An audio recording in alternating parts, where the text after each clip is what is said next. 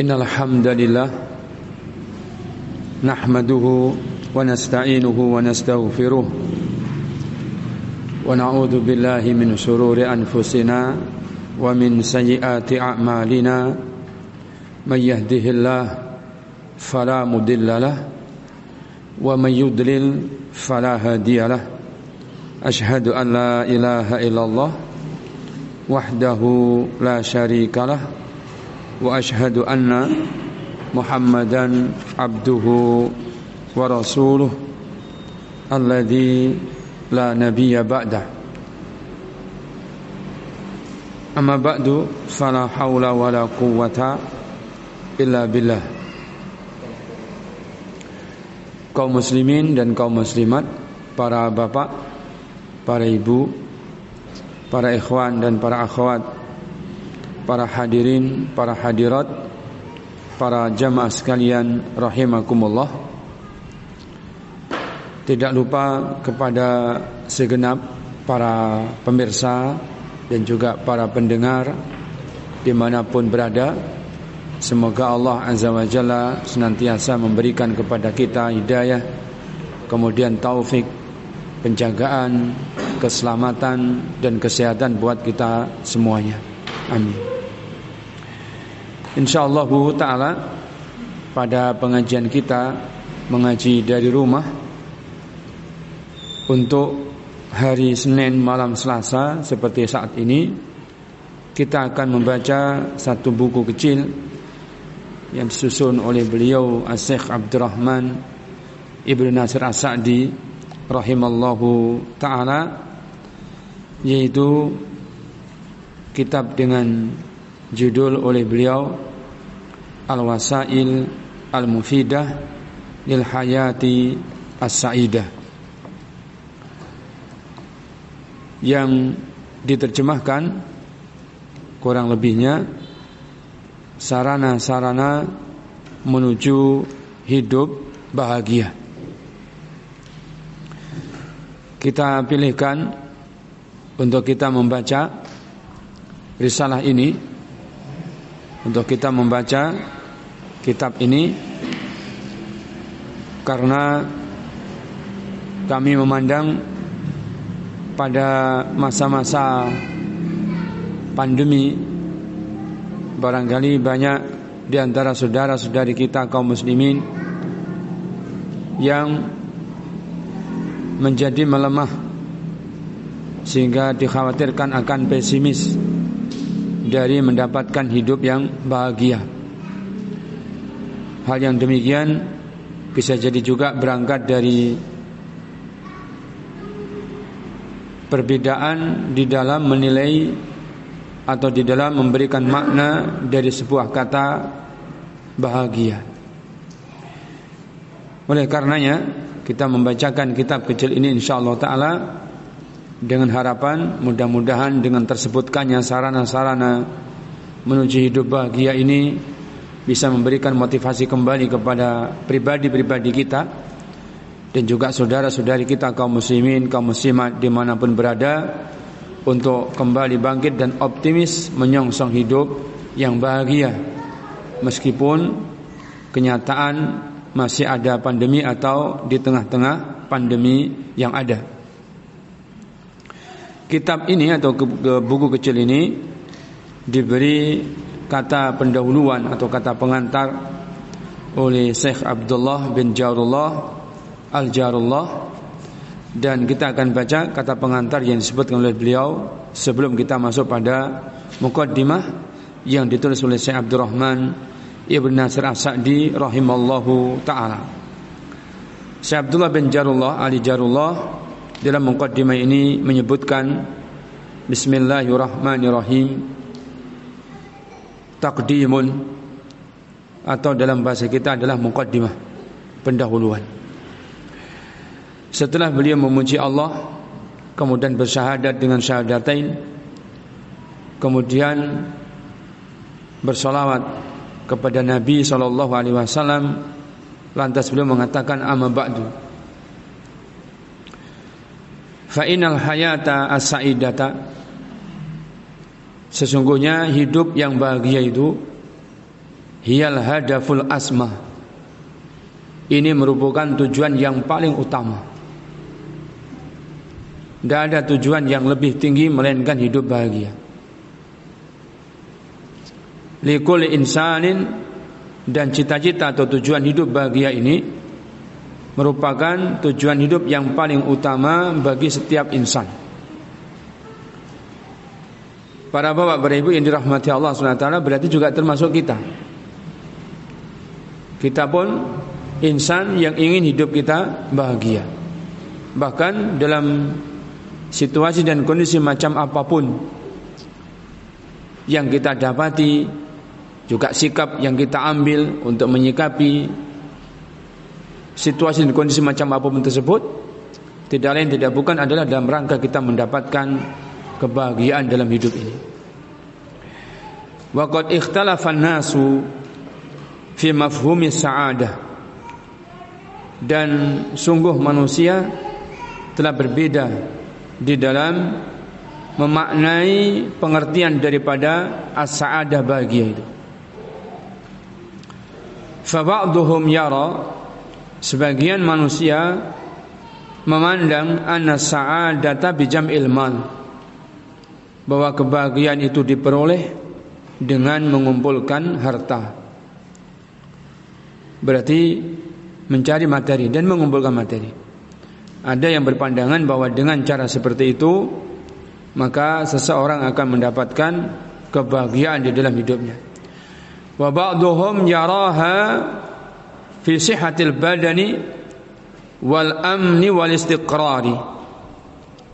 Sebagian manusia yang lain memandang bahwa bahagia itu ada pada kesehatan badan kesentausaan dan kenyamanan.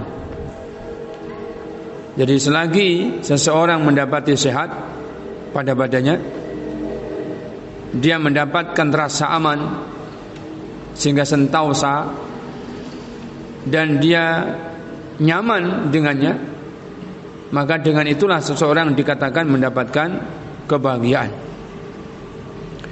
Wa ba'dhum yara anna sa'adata takunu fil maskanil wasi'i dan sebagian mereka yaitu manusia yara menilai atau berpendapat anas sa'adata bahwa kebahagiaan itu takunu adanya fil maskanil wasi' ada bersamaan dengan tempat tinggal yang lapang.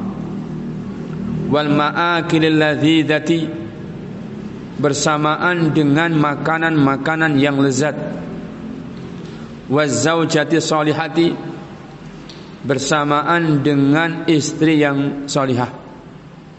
Kalau dia seorang wanita berarti suami yang solih.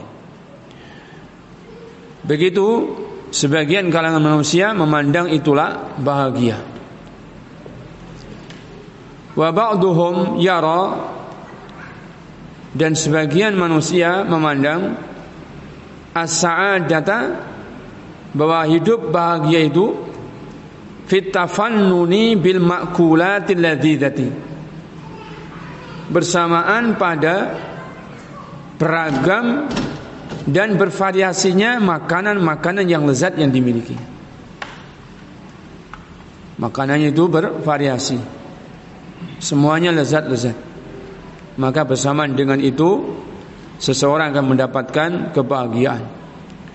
Wa ba'duhum yara dan sebagian manusia lagi berpendapat as-sa'adata yang namanya bahagia itu fi husuli rizqil halali wal ilmin nafi' ada bersamaan didapatkannya rezeki yang halal wal ilmin nafi' dan ilmu yang bermanfaat.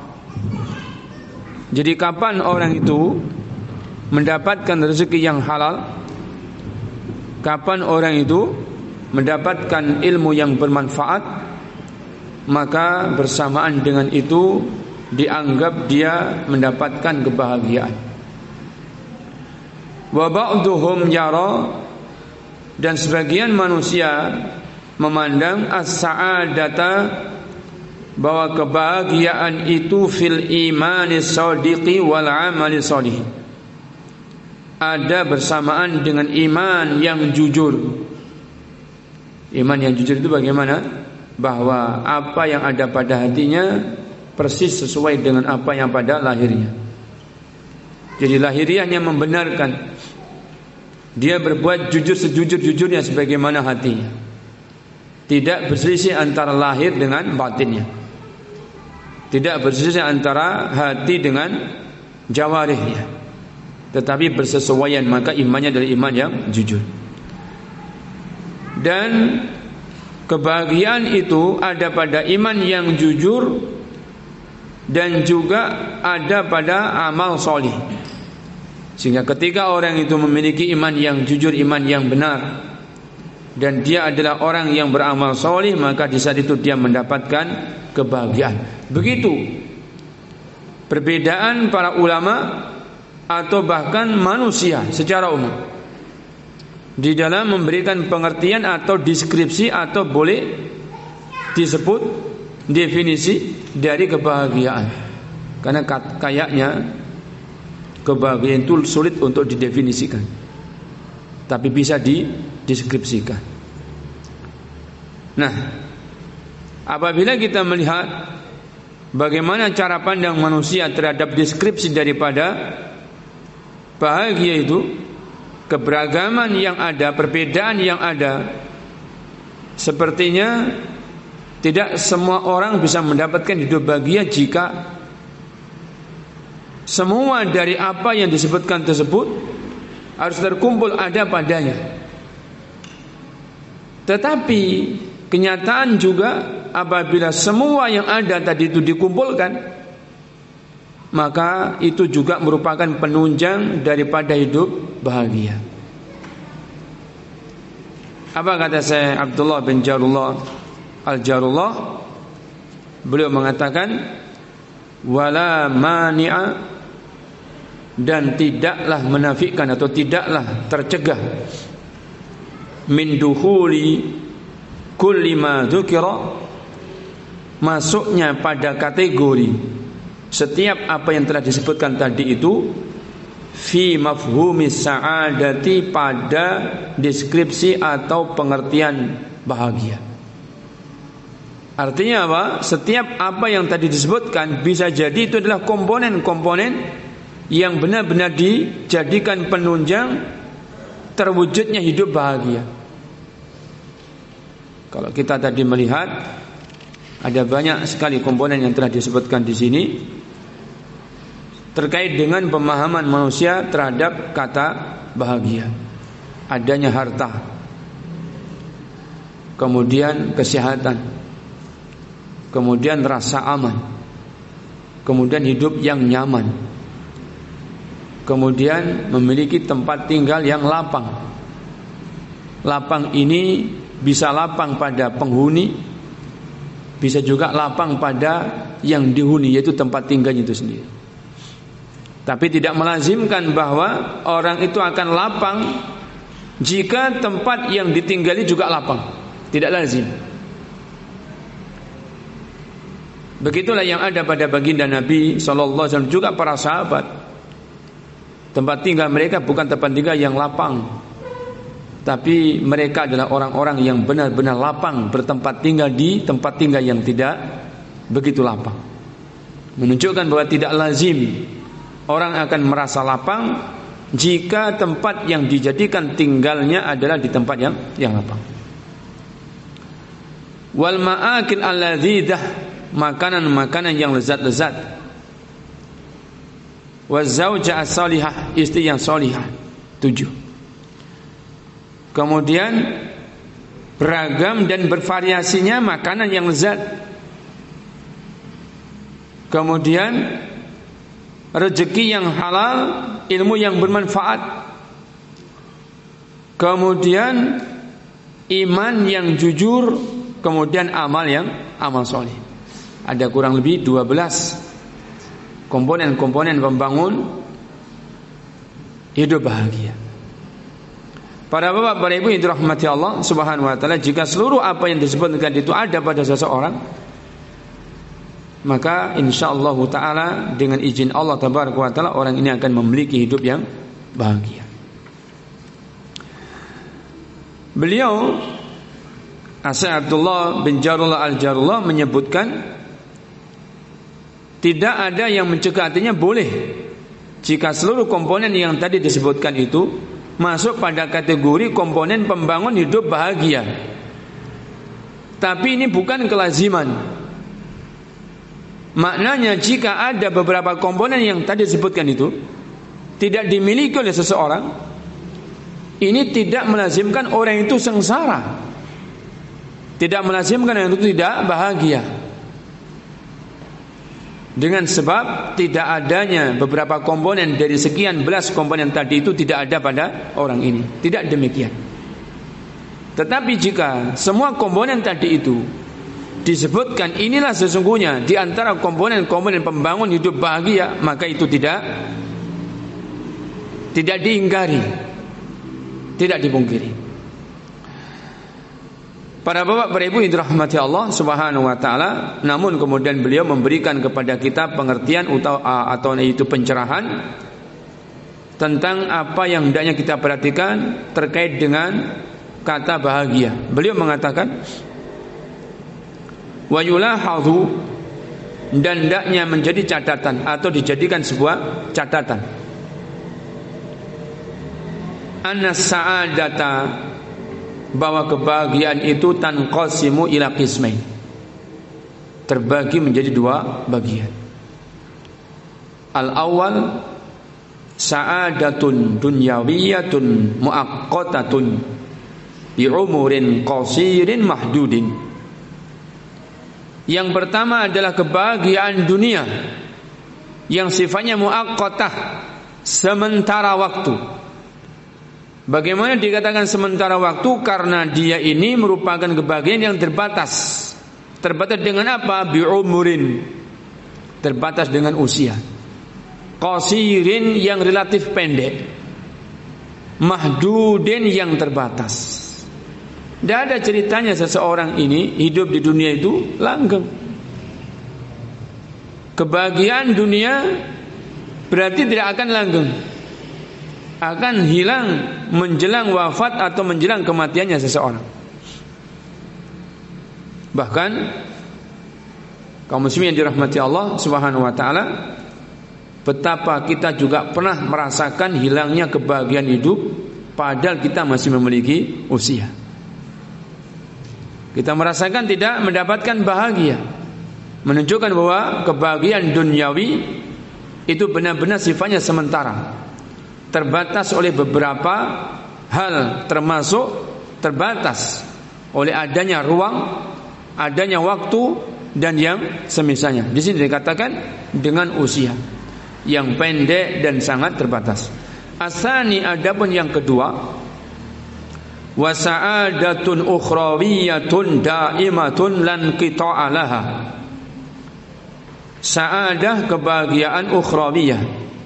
Sifatnya kebahagiaan akhirat. Ini yang daimah. Kebahagiaan yang abadi, yang langgeng. Lan kita alaha tak ada terputusnya. Para bapak, para ibu yang dirahmati Allah Subhanahu wa taala. Kalau begitu, sekiranya seseorang itu dalam usia hidup di dunia yang sebenarnya disebutkan dalam hadis A'maru ummati ma baina sittin wa sab'in. Kurang lebihnya umur dari umatku ini berkisar antara 60 sampai 70. Sekiranya seseorang dalam usia hidupnya selama 70 tahun itu dia tidak mendapatkan kehidupan yang bahagia, tentunya tidak seluruh usia itu dijalani tanpa kebahagiaan. Pasti ada saja dia itu waktu-waktu yang berbahagia. Bisa jadi bahkan sebaliknya bahwa yang lebih panjang dari usia yang dia rasakan kehidupan di dalam usia itu adalah bahagia. Sedangkan yang sengsara, sedangkan yang menderita itu sedikit dari usia yang pernah dia hidup di dalamnya. Maka kalaulah kita timbang dalam hidup di dunia saja ternyata kesengsaraan itu terbatas. Yang lebih banyak, yang lebih lama adalah kita rasakan adalah kebahagiaan. Menunjukkan bahwa jika seseorang tidak mendapatkan hidup bahagia di dunia itu, sesungguhnya kesengsaraan dunia itu terbatas. Kita hanya ingin menegaskan bahwa tidak rugi kalau orang itu sesaat dia hidup tidak bahagia di dunia. Karena tentunya dari usia dia yang panjangnya adalah 60 sampai 70 tahun ini relatif lebih panjang apa yang dirasakan hidup bahagia ketimbang dia sengsara. Bukankah di dalam ayat Allah SWT telah menyebutkan inna ma'al usri yusra. Apabila kita pahami ayat ini para ulama menjelaskan sesungguhnya satu kesulitan itu dihimpit dengan dua kemudahan. Sebelum ada kesulitan tentu Anda itu ada kemudahan yang Anda alami. Anda mendapatkan kemudahan, kemudahan, kemudahan, kemudahan. Lantas muncullah kesulitan. Ternyata setelah kesulitan bukan terus sulit. Tetapi akan datang berupa kemudahan. Sehingga satu kesulitan dihimpit oleh dua kemudahan. Menunjukkan kesulitan dalam kehidupan dunia adalah terbatas. Demikian pula para bapak, para ibu yang dirahmati Allah Subhanahu wa taala tentang kehidupan kebahagiaan hidup di di dunia. Yang ini ternyata terbatas oleh waktu sehingga sekiranya seseorang itu sengsara di dunia atau dia merasakan meskipun dia pernah bahagia dalam masa hidup di dunia rentang waktunya juga cukup lama tetapi kehidupan di dunia ini diakhiri dengan penderitaan hidup dunia diakhiri dengan penderitaan maka orang ini tidak dikatakan rugi tidak dikatakan dia tidak mendapatkan kebahagiaan dengan syarat jika dia mendapatkan kebahagiaan yang abadi di, di akhirat. Artinya apa? Bahwa dunia yang memang sementara dunia yang memang sementara itu dia relakan karena apa? Untuk mendapatkan kebahagiaan hidup yang akhirat yang sifatnya abadi. Maka tidak ada kerugian ketika seseorang dalam kehidupan dunia tidak mendapatkan kebahagiaan atau akhir hidupnya tidak dia itu dalam kebahagiaan tapi di mata orang di mata manusia padahal hakikatnya orang ini adalah orang yang bahagia lantaran dia ibarat diantarkan menuju kebahagiaan hidup di akhirat yang abadan dan abadi selamanya disebutkan oleh Syekh Abdullah bin Jarul Al-Jarullah wa anna sa'adatad dunya makrunatun bisa'adatil akhirah. Sudah dijelaskan seperti itu kondisi kebahagiaan ada duniawi, ada ukhrawi. Ternyata wa anna sa'adatad dunya dan perlu diketahui bahwa kebahagiaan hidup di dunia ini makrunatun bisa'adatil akhirah. Nah, ini beriringan dengan kebahagiaan di akhirat. Jika seseorang jaminan akhiratnya itu bahagia, maka di dunianya dia juga bahagia. Jika orang ini akhiratnya tidak dijamin bahagia, bagaimana dia hidup di dunia akan bahagia?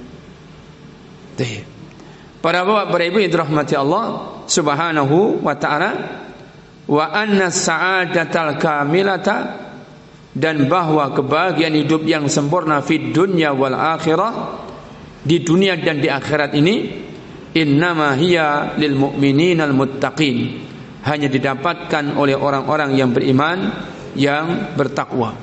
Para bapak, para ibu yang dirahmati Allah Subhanahu wa taala, kehidupan dunia yang bahagia kemudian di akhirat adalah juga hidup yang bahagia, saya yakin ini adalah cita-cita semua kita. Nah, dari masa kecil bahagia, masa remaja juga bahagia, bahagia. Usia senja bahagia, usia tua juga bahagia. Inginnya begitu di dunia. Di akhirat juga demikian, inginnya juga bahagia. Nah, dan perlu diketahui apabila seseorang yang mendapatkan kebahagiaan hidup dunia dan akhirat, nah, maka tidak ada jaminannya kecuali adalah bagi orang-orang yang beriman yang bertakwa. Diakhiri dalam mukadimah yang kita bacakan di malam hari ini, kama qala ta'ala sebagaimana yang Allah taala firmankan, man 'amila salihan min dzakarin aw untha wa huwa mu'minun falanuhyiyannahu hayatan thayyibah wa lanajziyannahum ajrahum bi ahsani ma ya'malun siapa pun yang beramal soleh baik laki-laki maupun dia perempuan sedangkan dia adalah orang yang beriman ini syaratnya niscaya kami berikan penghidupan kepadanya dengan penghidupan yang baik di dunia. Wala najziyannahum ajrahum. Kemudian niscaya kami berikan jaza balasan kepada mereka. Ajrahum berupa pahala mereka bi ahsani makanu ya'malu. Tentunya diberi pahala yang jauh lebih baik dibandingkan apa yang dulu di dunia pernah mereka perbuat. Kaum muslimin yang dirahmati Allah SWT inilah kunci dari kunci hidup bahagia di dunia dan di akhirat. Lebih lanjut insya Allah kita akan lanjutkan membaca mukaddimah ini di pertemuan yang akan datang. Oleh karena waktu sudah akan masuk waktu Isya, kita cukupkan sampai di sini.